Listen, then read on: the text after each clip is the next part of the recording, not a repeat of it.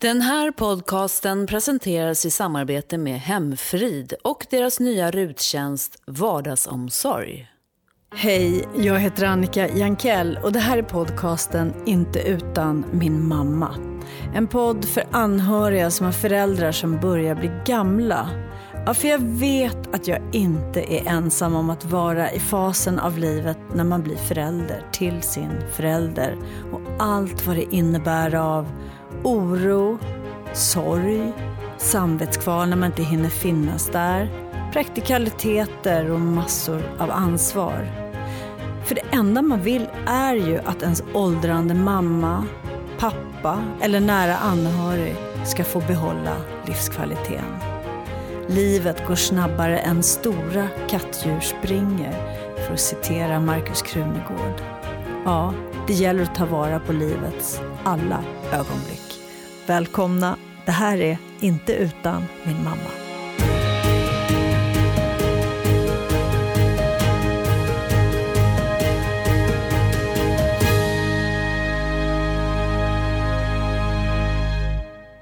Ja, varmt välkomna till Inte utan min mamma. Jag heter Annika Jankell och skälen till att jag tycker att det är angeläget med en podd om alla känslor, tankar och nya dörrar som slås upp när föräldrar eller nära anhöriga blir gamla och behövande, det är att jag vet att jag inte är ensam. Vi är ju många som går igenom det. Vi kan kalla det payback time, vi kan kalla det självklar och kärleksfull omsorg. Frågan är, vad kallar du det för? Malou von Sivers, journalist, programledare och prisad författare. Välkommen! Tack så mycket. Ja, vad kallar jag det för? Det är ju en resa som jag inte tror att jag var beredd på. Det är precis som med sin egen, sitt eget liv, tror jag, att man det här händer inte mig eller det här tar jag sen och så plötsligt så är man där och börjar upptäcka eh, sådana här små tecken som jag gjorde med min mamma. Vad var det då? Nej men det var, min mamma har alltid varit oerhört eh, noga med sitt utseende till exempel. Eh, otroligt sådär. Det var liksom Paran. bara, Ja, det var bara det nästan som räknades, vilket jag var jättearg på. Men, eh, men då så började jag märka att eh, det blev liksom stökigare och stökigare i hennes lägenhet och hon blev mer och mer obenägen att vara med på olika sociala grejer. Då bodde hon på ett sånt här seniorboende som ju ändå var en egen lägenhet. Och, Ja, just det, sånt där som man flyttar till eh, Först. från 55. Ja, ja och okej. då bodde hon där. Och, eh, då märkte de här, det är väldigt små tecken. Jag tyckte inte hon åt. Det var så konstigt. Maten som eh, stod kvar i kylen. Och, ja, det var väldigt små tecken. Det är en svår balansgång det här. Och det är också samma som att bara prata om det så här. Eh, Jag tror många känner sig att man vill inte lämna ut, fast det är Nej, det. det mest naturliga i, eh, ja, i, i, i livet. På samma sätt som att vi föds, att vi blir äldre. Men att den, vi kan prata om våra barn och våra barnbarn om man har det, eller om, om sina relationer. Men just det här att, att det är som att det är något stigmatiserande över hela det här med ålderdomen. Men jag tror att man lämnar ut sig själv också. Man vill inte inse sin egen ålder heller. För sen står man ju på tur att bli sådär. Så det finns en förnekelse eh, från två håll på något sätt. Det är sant. Men tänker du när du nu, nu fyllde din mamma 90 alldeles nyss. Mm. Hur, hur var det? Nej men det var ju... Eh, alltså om vi ska hoppa ända dit så sitter hon ju nu, nu har det gått många år, ja, sitter hon ju i rullstol eh, sen eh, några år tillbaka och går ut och in i dimman kan man säga. Hon har inte Alzheimer men det är åldersdemens. Och, ehm, då hade vi ett kalas för henne och många var där och var hemma hos min syster som hade sån här, där man kunde lätt rulla in henne. Och då försökte hon hålla ett tal, för hon förstod ju då att det var, kalaset var för henne. Och så skulle hon hålla ett tal och det var ganska både hemskt och rörande. Hon skulle, men orden kom fel liksom. Och, men hon ville verkligen, tog sitt glas och hon ville. Och, och alla var tysta och bara blickarna riktade mot henne och sådär. Och så blev det något konstigt och så sa vi bara skål och sjöng och sådär. Och sen nästa dag, när vi skulle åka över med presenter och blommor och så, så hade hon glömt alltihopa. Hon kom inte ihåg att vi hade haft födelsedagskalas. Snacka om att leva i, i nuet. Ja, det gjorde hon ju. Så att, då får man ju säga till sig själv att det var ändå värt det för att dels att alla var runt henne, inte bara på en begravning utan faktiskt när hon fyllde 90. Men det var också att man får lära sig att det är här och nu som hon ändå kan uppskatta det. Precis, för det är så jag kan känna. Sådär. Just för jag känner igen det här med, med den här glömskan och det där att man eh, man kan göra något storslaget. Man kan käka tårta och äta räksmörgås och sen fem minuter senare så är det lite, vad gott det vore om vi någon gång kunde äta en räksmörgås. liksom. men, och då kan man känna, men eh, så här, vad fasen, jag vi har gjort, precis gjort det. Eh, men Nej, så men får man, man liksom komma ihåg att man måste ha tålamod. Ja, men också just det där att det är verkligen här och nu. Mm. Som, som, det finns bara det ögonblicket mm. som, som pågår. Den svåraste delen tyckte jag var den här gränsen mellan... Hon hamnade ju på, lång, på inte, ja, långvården på sjukhuset. Mm. Men hon var för frisk för att vara kvar där. Och sen var hon, sa vi, för sjuk för att vara hemma i sitt seniorboende. Hon behövde, då hade hon hjälp, jag tror man får åtta gånger om dagen eller vad det var. Då råkade hon ju ramla mellan där. Eh, för det är ju inte hela tiden naturligtvis, utan det hände ju saker emellan. Och det kom, hon bröt tror jag, lårbenet eller bäckenet eller var något sånt här allvarligt. Så in igen och så blev hon konstigt nog frisk, frisk igen för att hon hade bra hjärta, lungor, allt det där funkade. Mm, så hon liksom. var frisk fast hon ja, var skadad? Så att hon skulle hem igen. Och då började ju kampen. Det var fullt där hon bodde, det var Täby kommun. Det fanns inga platser. Men jag sa, men hon kan inte klara sig hemma. Eh, ja, men det finns inget. Och sen så började jag åka runt själv i stan, för jag tänkte att det kanske är bättre att hon är nära där vi bor. Då fick vi höra, nej men det fanns långt bort utanför stan, långt, långt bort. Och då tänkte jag, då kommer inte vi kunna hälsa på henne så mycket som vi vill. Och då så var jag stenhård och sa, det går inte. Och sen höll vi på sådär och det var nästan omöjligt. Och tiden gick och hon blev liksom, fick allt svårare att klara sig. Så då var hon hemma hos sig I sin lägenhet. Med, med åtta gånger om dagen, alltså hemhjälp ja, åtta gånger om dagen? Vilket inte var tillräckligt. Nej, för det blir det ju inte. För hon man åkte också... in på sjukhus och så tillbaka igen. Ja, och det här är en klassiker. Och hur mycket var du där? Eller hur mycket... Ja, men vi jobbar ju allihopa, alltså det var ju inte så lätt att liksom vara där precis när hon behövde. Så var det ju. Så vad gjorde det med dig? Nej, då blev det ett ständigt dåligt samvete. Att vi skulle tvinga in henne på det sista mm. hemmet. Mm. Utan att hon visste om det. Så vi tyckte allt var hemskt och det liksom var korridorer och det luktade konstigt och vi bara kände nej. Ja, men sen åkte min syster dit dagen på och då var det sol och det var ju ett fantastiskt ställe kan mm. man ju mm, säga. Mm. Som låg med utsikt över Mälaren och, eh, och, och, det var, hon tyckte att det här är fantastiskt. Men sen gällde det att få dit mamma. Mm. Hur gick det då? Nej, men vi lurade henne helt enkelt. Mm. Vi sa att du ska bo där ett tag, sa vi. Och, ehm, och sen eh, fick vi, då, då flyttade vi dit med barn, barn och andra som bara och det var inte mycket som fick plats av det hon hade hemma. Så vi försökte ta det som gjorde att hon kände igen sig, kände sig hemma ändå. Och så in med henne där. Och, ja, det var hemskt. Det kändes som ett väldigt märkligt svek. Liksom. Ja, och gud, jag, tror, jag, tror att, jag tror inte att vi är ensamma. För jag känner igen verkligen den där känslan av att man luras. För det är ju också... Gud, man hamnar i det här läget där man vet att man, man gör det bara av, av omsorg, eh, för att man vet att det funkar inte. Samtidigt som man, det är svårt att, för vilken människa som helst, mm.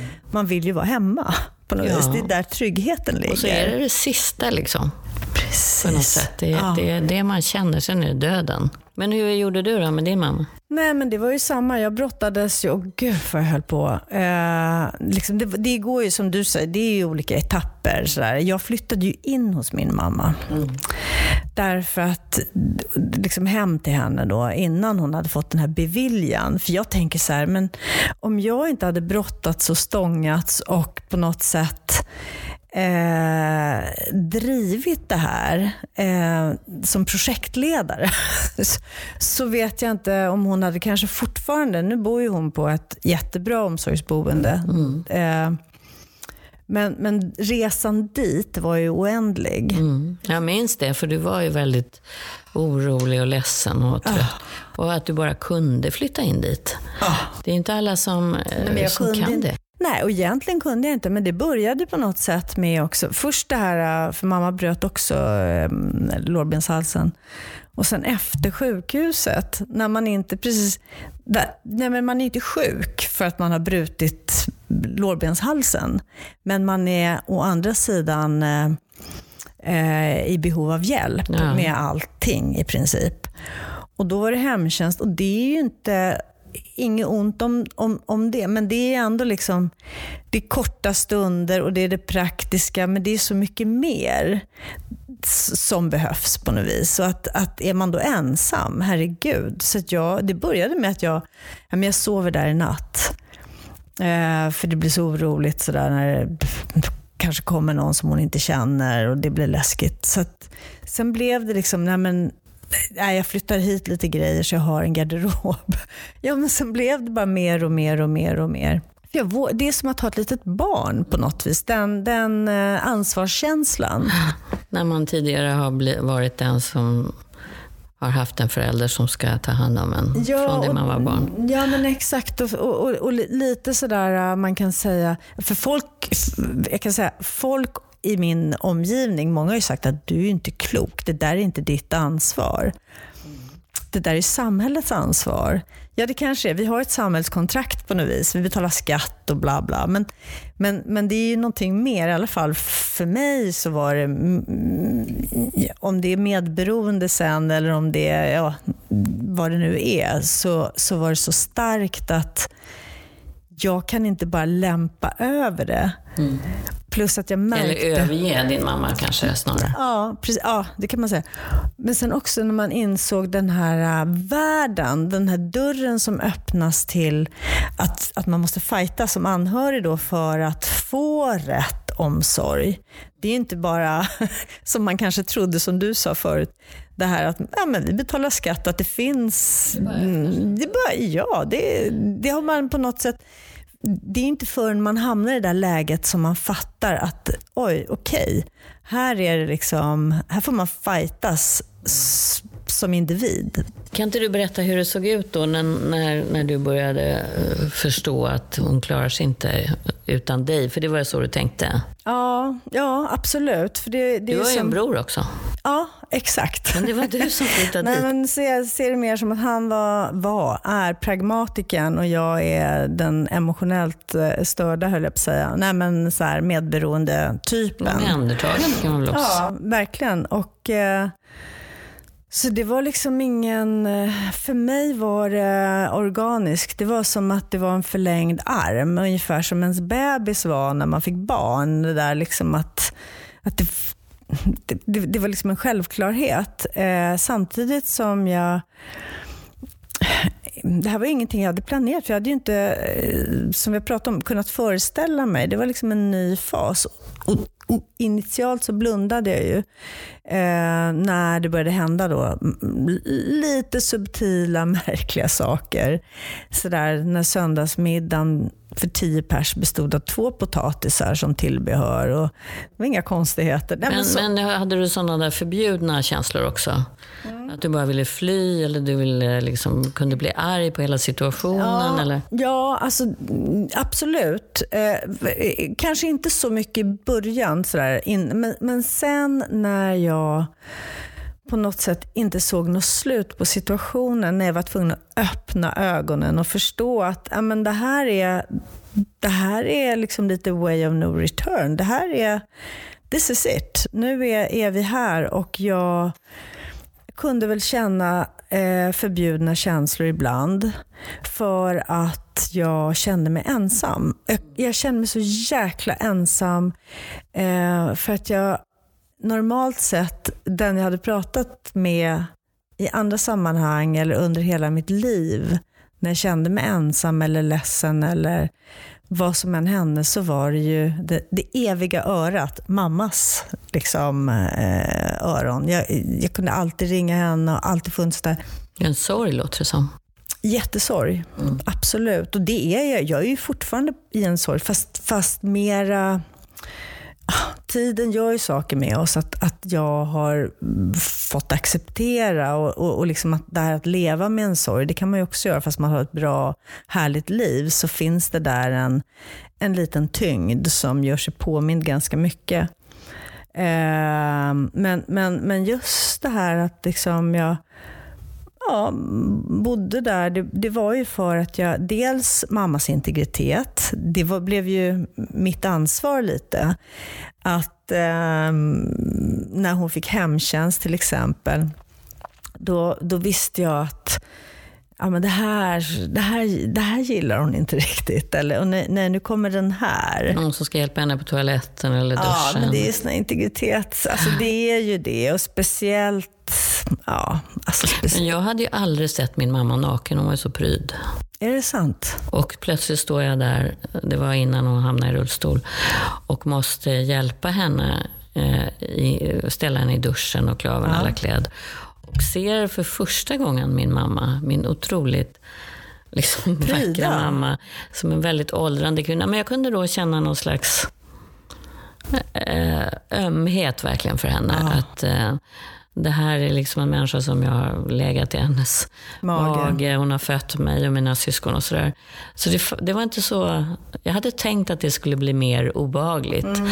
på grund av den här integriteten. Mm. Och just därför att mamma var så enormt liksom, pryd. Pappa var inte alls så, men mamma var ju det. Och jag men, har aldrig varit sådär heller. Men, men det var liksom, hon hade en gräns. Och så nu stod vi där. Mm. Och jag klädde också av mig och ställde mig i duschen med henne. För det var liksom helt absurt. Ja. Men också väldigt, på något sätt lite vackert att vi var där ihop i den här väldigt utsatta situationen. Men gud, nu när du säger det här, nu får jag nästan tårar. För nu, nu beskriver du någonting som jag Alltså jag känner, för någonstans så tror man att det är bara jag som har de här, här står vi i duschen eh, tillsammans. För jag, jag har ju också liksom gjort det där och eh, den där enorma närheten som jag, jag, jag skulle ha svårt att se min brorsa stå Nej, precis.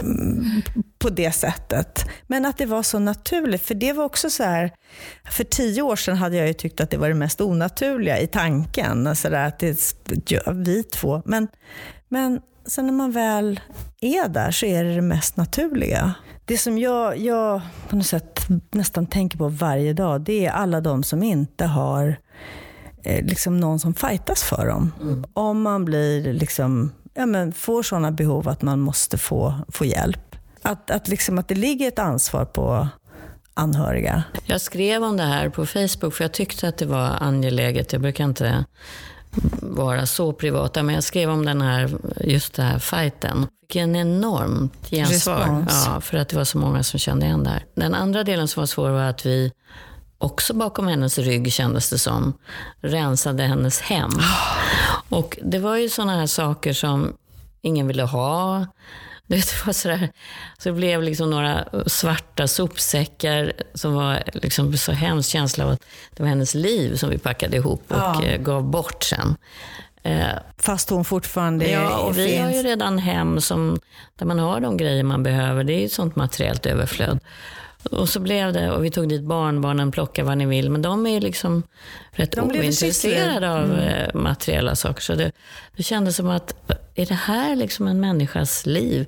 Kassett kassetter med musik. Och Vad ska man göra med? Nej. Vad hade du för strategi? Nej, men alltså, vi slängde mycket tyvärr.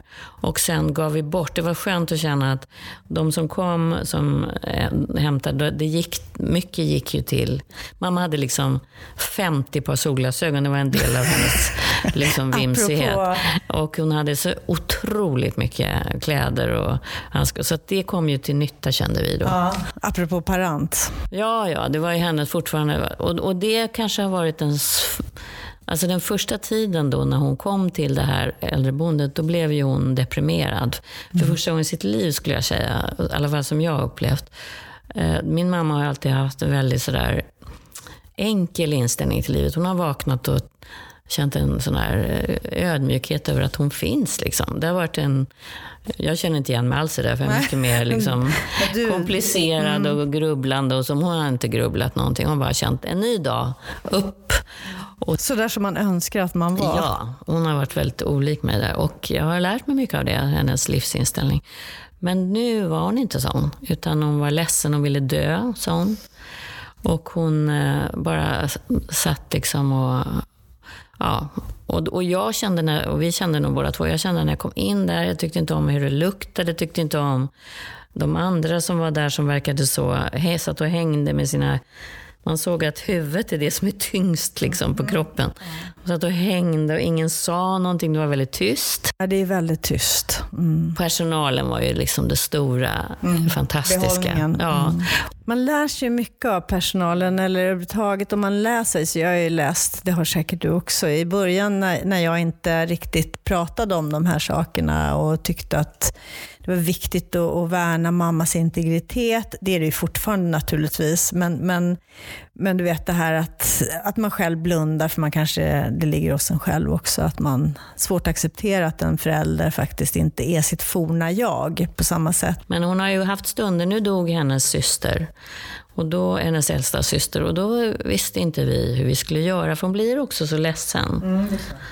så vi berättade inte det för henne, för att för då började hon prata om sin barndom och så. Då tänkte vi, ska vi säga det nu eller inte?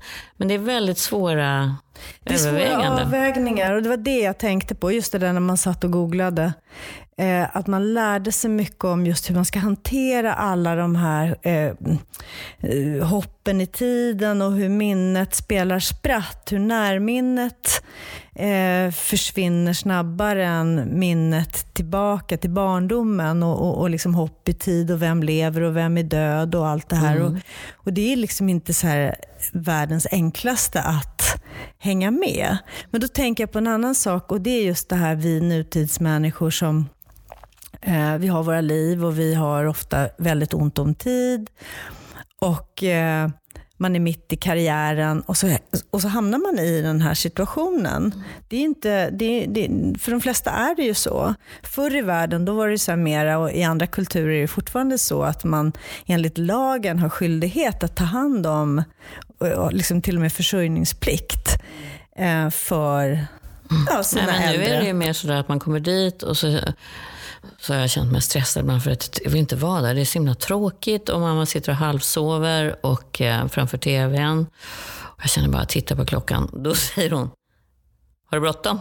Jag ser plötsligt. Jag ser att du tittar på klockan. Så att det finns ju liksom... Och där är hon med. Ja, och, och då, nej, då får man dåligt samvete. Nej, nej, nej, nej, nej, jag bara ville se vad klockan var. Och sådär. Men egentligen vill jag bara därifrån. För att nu tycker jag, jag känner att just idag vill jag inte vara här. Det är liksom... För ångest? Ja, för ångestkänslor. Och, eh, det är någonting med hela miljön och så. Men nu jag, pratar jag mycket med personalen och har lärt mig deras förhållningssätt. Alltså vi kan ju skratta ihop då. Mamma satt på balkongen. Mamma har alltid solat. Från mars satt hon i solen och var brunast av alla. Och nu gör hon fortfarande så kör de ut hennes rullstol och den här hennes väninna då i rummet bredvid ut där. Och så sitter de i filtar och så blundar de och sitter med ansiktet mot solen. Och sen så kommer jag då har köpt glass, för nu kan hon ju bara vräka i sig allt, tänker man. Det får inte tänka på något. Mm. Och så har jag med mig glass och så choklad och så säger jag, tittar jag på hennes eh, väninna där som sitter bredvid och som sitter och blundar. Så säger jag, du kanske vill bjuda henne, så jag. Mm. Marianne, sover du eller är du död? det är underbart. och det är bara hela tiden sådana där ja, grejer. Ja. Nu pratar vi om våra gamla fina mammor. Men, men om du skulle då ge en, en bild av, vem var hon? Min mamma hon hade enorm humor, det var ja. hennes största grej. Vi skrattade otroligt mycket ihop. Och eh, det är det kanske som jag kommer mest komma ihåg. Och situationskomik och vi kunde... Det var alltid väldigt roligt att vara med henne. Tack snälla Malou för att du kom hit. Det betyder mycket. Tack för att jag fick vara med. Med Hemfrids nya ruttjänst Vardagsomsorg erbjuder vi extra hjälp i hemmet för en äldre person i din närhet. Vi hjälper och stöttar med vardagsbestyren, allt för att skapa en enklare vardag med ökad livskvalitet. Gå in på hemfrid.se så får du veta mer. Podcasten Inte utan min mamma produceras av Vakai Media.